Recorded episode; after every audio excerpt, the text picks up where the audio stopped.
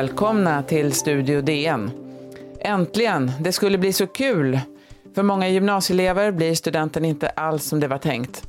De mister inte bara alla kalas, utan också flera veckor av skoltid i verkliga livet. Något som för många är jobbigare än de kanske anade.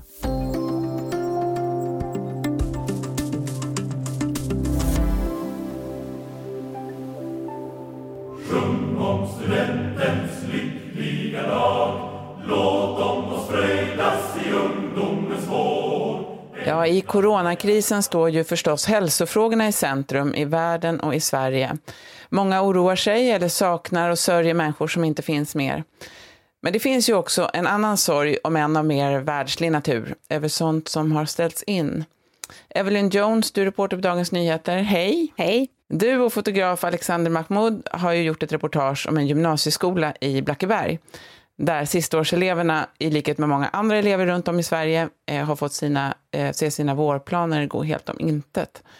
Eh, till att börja med, du, vad är ett utspring och vad betyder det? Vem bestämmer över utspring? Ett utspring det är ju det som alla studenter framförallt ser fram emot när de liksom tillsammans med sina klasskompisar och alla treor på skolan ska liksom springa ut på trappan framför skolan och så ska alla deras släktingar och vänner stå där med en massa bubbel och gosedjur och blommor och eh, det ska bli liksom hurrarop över att de har klarat 12 år i skolan. Det är liksom en del av hela det här studentfirandet. Eh, för de elever som du skriver om har utspringet, eh, det är liksom både den här konkreta händelsen men det är också något symboliskt här som de inte får göra. Om du beskriver den här skolan, var ligger Blackeberg och vad är det för typ av skola ni har varit på? Ehm, Blackebergs gymnasium, en stor gymnasieskola, 1300 elever som ligger i ehm, Bromma utanför Stockholm. Ehm, och vi har då följt i några veckor en, eh, en naturvetenskapsklass, en årskurs tre, eh, som, egentligen, eller som, som kommer då ta studenten den här terminen. Och liksom koll, ja, men varit med när de dels pluggar hemifrån och pratat med dem om hur det känns att liksom, allting blev så annorlunda än vad de hade trott. Eh, så här sa eleven eh, Elisabeth Getahun. Som tredjeårselev så vet man vad det är man kan förvänta sig. Det är liksom 200 dagars festen, 100 dagars festen, balen, utspringen, mösspåtagningen. Hade det varit så att man inte visste vad det var som kunde komma så hade det varit en annan sak. Då kanske man inte hade blivit lika, lika liksom besviken eller liksom ledsen över det hela. Ja, var, var det här representativt? Var det något som de uttryckte allihopa?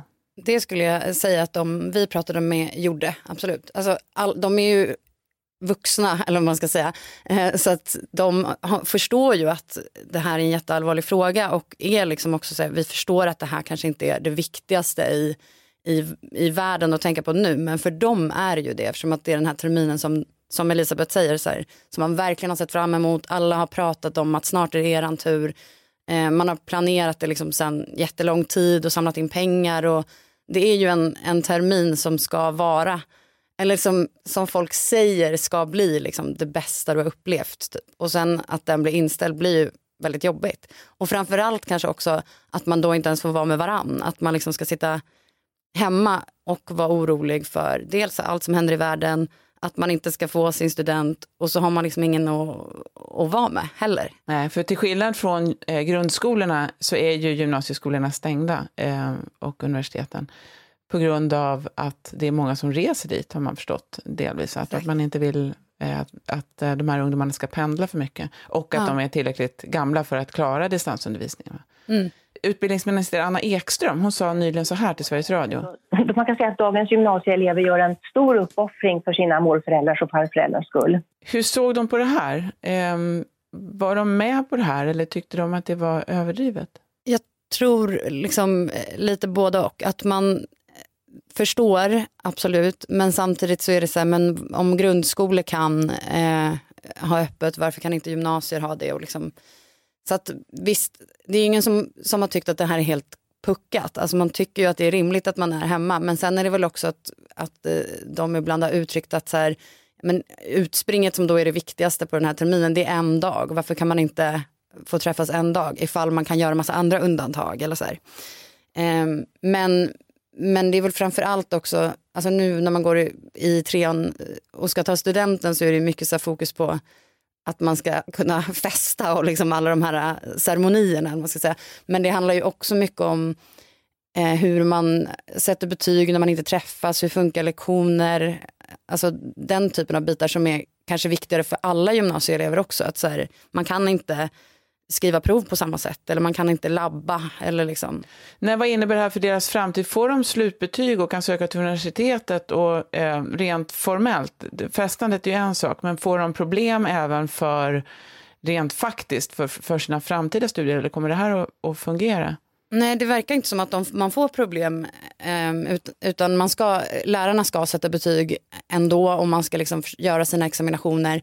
Och eh, Skolverket, eller man har ju liksom gett dispens för att man ska kunna komma in och göra vissa moment som man inte kan göra hemma. Liksom för att de ska få sina slutbetyg.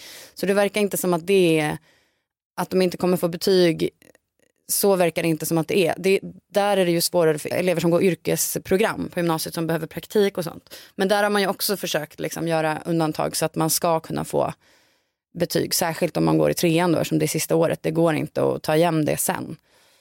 Ja. Men, men däremot så är det väl hur man klarar skolan när man inte är på plats och när man har fått sina rutiner tagna från sig och det är en orolig tid och eh, det är ju liksom elever klarar ju det bättre och sämre. Vi ska prata lite mer om det eh, strax efter pausen.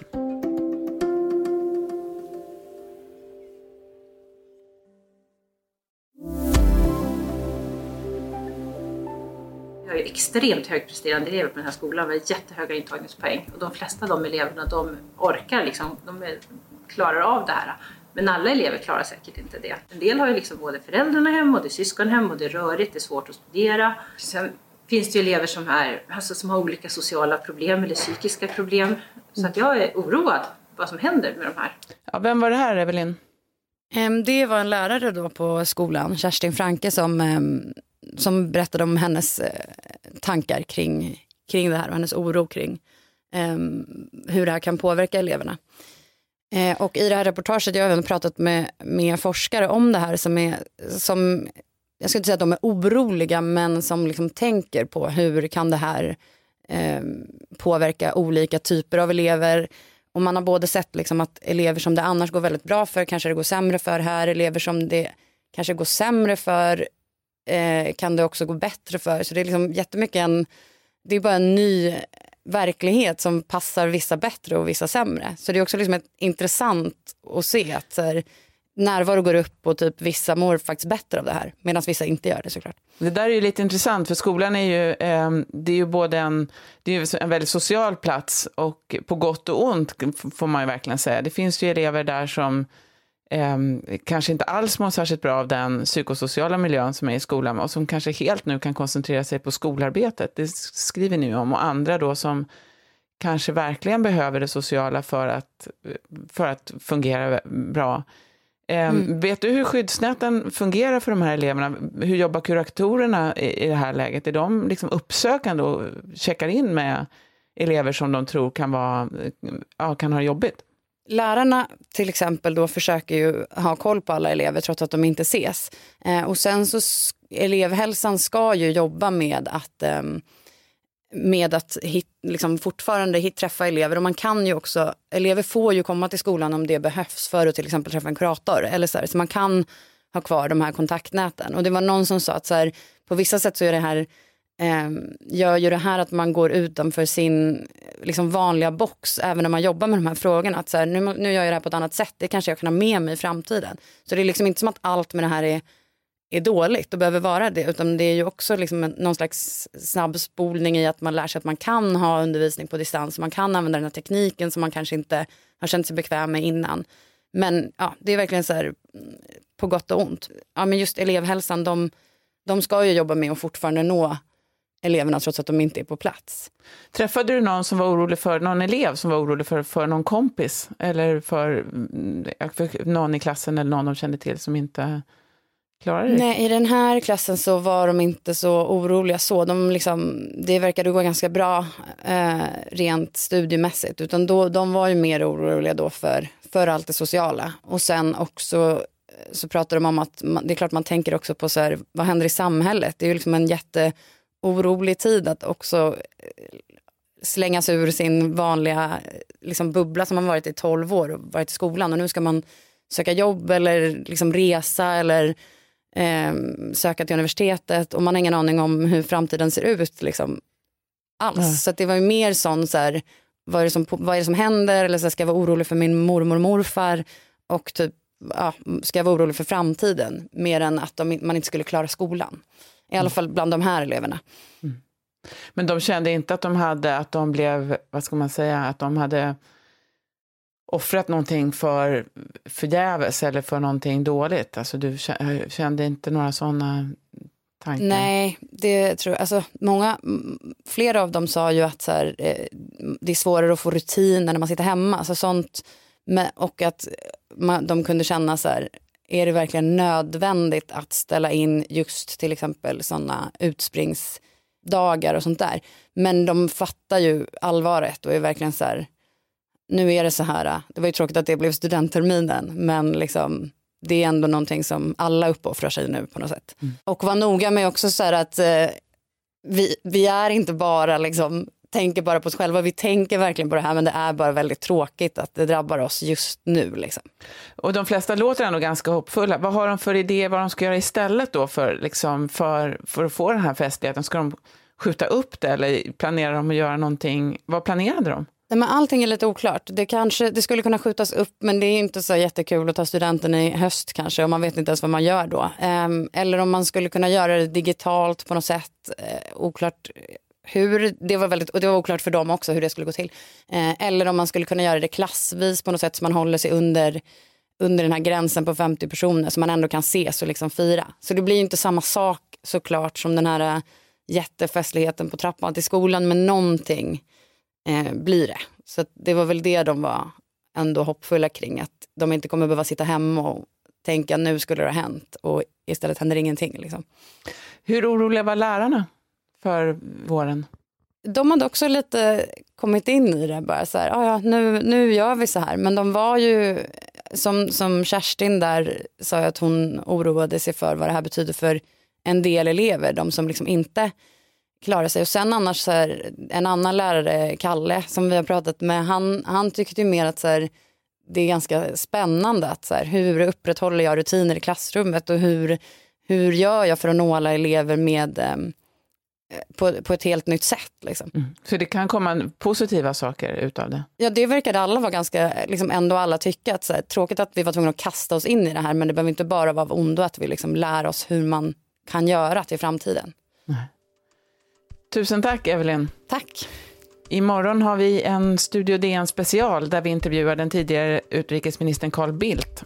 Vi ska tala med honom om vad det betyder att coronautbrottet är den första stora krisen i en ny världsordning utan tydligt amerikanskt ledarskap. Idag har ljudillustrationerna gjorts av Alexander Mahmoud, Sveriges Radio och studentsången sjöngs av Lunds studentsångare. Studio DN görs av producent Sabina Marmelakai, exekutiv producent Augustin Erba, ljudtekniker Patrik Miesenberger och teknik Jonas Lindskog på Bauer Media. Jag heter Sanna Thorén Björling. På återhörande.